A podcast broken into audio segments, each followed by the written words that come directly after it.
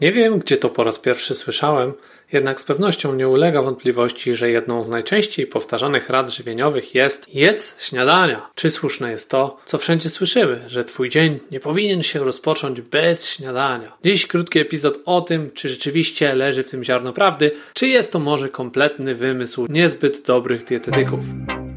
Siła Zdrowia to podcast, w którym rozmawiam na temat sprawdzonych przeze mnie sposobów na poprawę zdrowia, mądry i efektywny trening, konkretne i trwałe zmiany w stylu życia, Twojego nastawienia i sposobu myślenia. Zapraszam do kolejnego odcinka. Łukasz Dmytrowski. Been thinking about you all night. I've been searching for this all my life. Witam, z tej strony Łukasz, od ponad 8 lat trener i przedsiębiorca. W swoich działaniach staram się pomagać każdemu, kto potrzebuje poprawić własne zdrowie dzięki mądrym treningom, prostym zmianom stylu życia i większej świadomości różnych zagadnień. Dzisiejszy odcinek będzie nieco krótszy, ale mam nadzieję, że równie wartościowy jak pozostałe. Za wszelkie udostępnienia i subskrypcje serdecznie dziękuję, a od teraz można również słuchać archiwalnych odcinków na YouTube. Adres znajdziecie na moim nowym profilu Instagram małpa sila zdrowia. Tak więc lecimy z tematem. Pierwszym skojarzeniem niemalże każdego człowieka ze słowem śniadanie jest poranna pora. I właśnie od tego chciałbym zacząć. Już kiedyś poruszałem poniekąd ten temat, jednak być może nie każda z osób słuchających będzie to pamiętać, że lepszym określeniem od polskiego słowa śniadanie jest angielski odpowiednik, czyli breakfast, składający się tak naprawdę z dwóch innych słów, to znaczy break, przerywać oraz fast, post lub głód, jak to woli.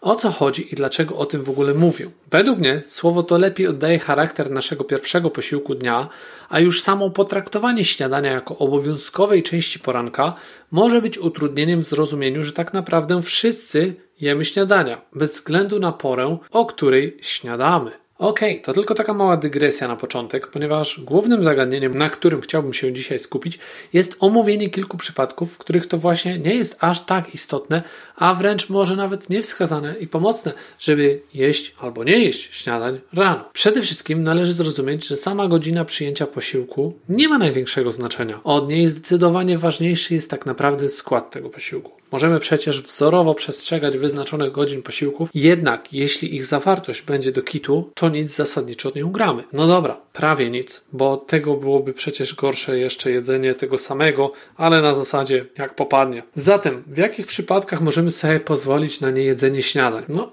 nie jest to tak aż proste zagadnienie, jak może się wydawać, bo istnieje jeden duży wymóg do tego, aby w jakikolwiek sposób zacząć majstrować przy swoim rozkładzie posiłków. Przede wszystkim musimy mieć już nieco dłuższy kontakt z głównie nieprzetworzonym jedzeniem i doskonale zdawać sobie sprawę z tego, że wszelkie błędy popełnione często nieświadomie mogą spowodować różnego rodzaju problemy ciągnące się później za nami przez długie lata. Dlatego od razu zaznaczam, że wszelkie tego rodzaju próby powinny być wykonywane pod nadzorem kogoś, kto dobrze rozumie metabolizm i jest Ci w stanie pomóc ocenić Twój aktualny stan organizmu oraz Twój aktualny stopień wtajemniczenia w to, co będziesz jadać i dlaczego. Najlepiej, żeby taka osoba zrobiła to również w oparciu oraz po przeanalizowaniu Twoich własnych wyników badań krwi. Za wszelkie próby poczynione na Twoim organizmie, pamiętaj, że to właśnie Ty poniesiesz wszelkie konsekwencje. Nie zapominaj o tym i nie rób nic na ślepo, bo może usłyszałeś jakąś super radę w jakimś podcaście. No dobra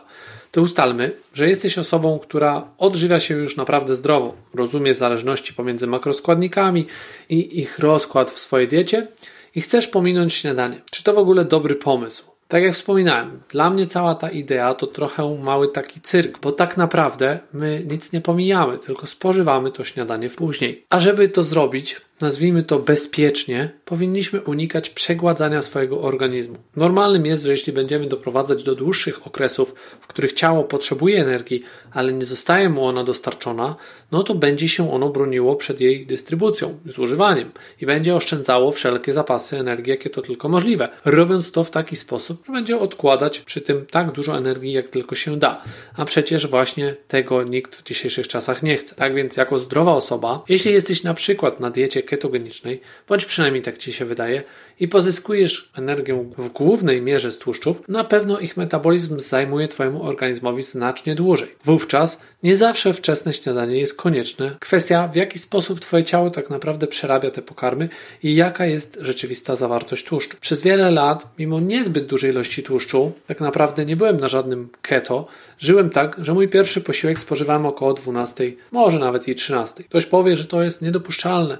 Jednak mój organizm wcale nie gromadził przez to żadnej tkanki tłuszczowej, a wręcz cały czas ją gubił. Takie posty przerywane, o ile są zastosowane rozsądnie, mogą mieć bardzo dobry wpływ na nasz organizm, a przy okazji pomóc w gubieniu zbędnej tkanki tłuszczowej.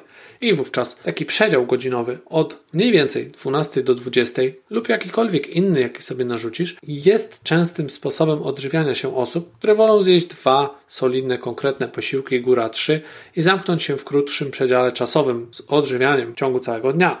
Śniadanie w takim przypadku można wywalić całkowicie z diety i zaoszczędzić dzięki temu trochę czasu oraz dać troszeczkę odpocząć układowi trawiennemu. Pamiętaj, odpowiednim makroskładnikiem, który pomoże Ci w kontroli łaknienia jest właśnie najczęściej tłuszcz, a nie białko. Tłuszcze dostarczają ponad dwa razy więcej energii niż białka, więc gęstość energetyczna posiłku jest zawsze wyższa dzięki ich wyższej podaży. Oczywiście, to wszystko musi być dobrej jakości, zbilansowane z całą resztą pokarmów, tak aby tutaj zbyt wiele nie namieszać. Oprócz tego są różne sposoby, z których najbardziej popularnym, mówię tutaj o takiej doraźnej pomocy sobie samemu w porannych godzinach, jest wspomaganie się tak zwaną bulletproof coffee, czyli tak zwaną kawą kuloodporną, zawierającą najczęściej olej kokosowy i masło sklarowane. Oczywiście im lepsza jakość tych produktów, tym większa szansa, że to wszystko nie wyjdzie nam bokiem. Na pewno mała dawka kofeiny również podbije w porannych godzinach poziom Twojej energii, jednak jeśli masz również zamiar trenować rano, w tym przypadku na czczo,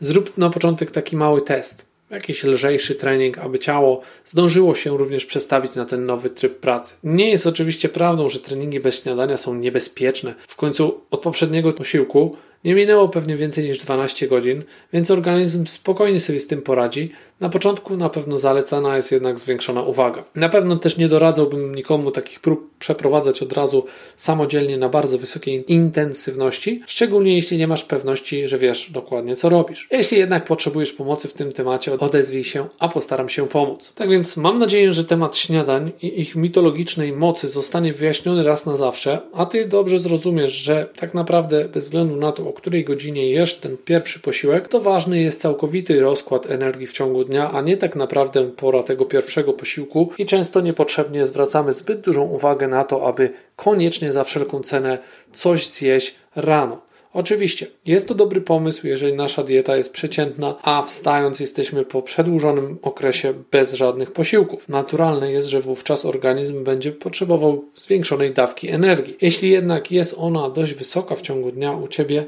to równie dobrze nie musi ten pierwszy pokarm trafiać do naszej jamy ustnej już z samego rana. Okej, okay, myślę, że to wszystko na dziś wystarczy. Jeżeli jakiekolwiek pytania pojawią się, zapraszam jak zwykle do przesyłania ich drogą mailową lub wiadomością prywatną na Instagram Siła Zdrowia, a tymczasem zachęcam właśnie do polubiania mojego nowego Instagrama, odwiedzania kanału YouTube, do którego link znajdziecie w bio na Instagramie oraz subskrypcji i dzielenia się tym na swoich mediach społecznościowych. Tymczasem dzięki i do następnego.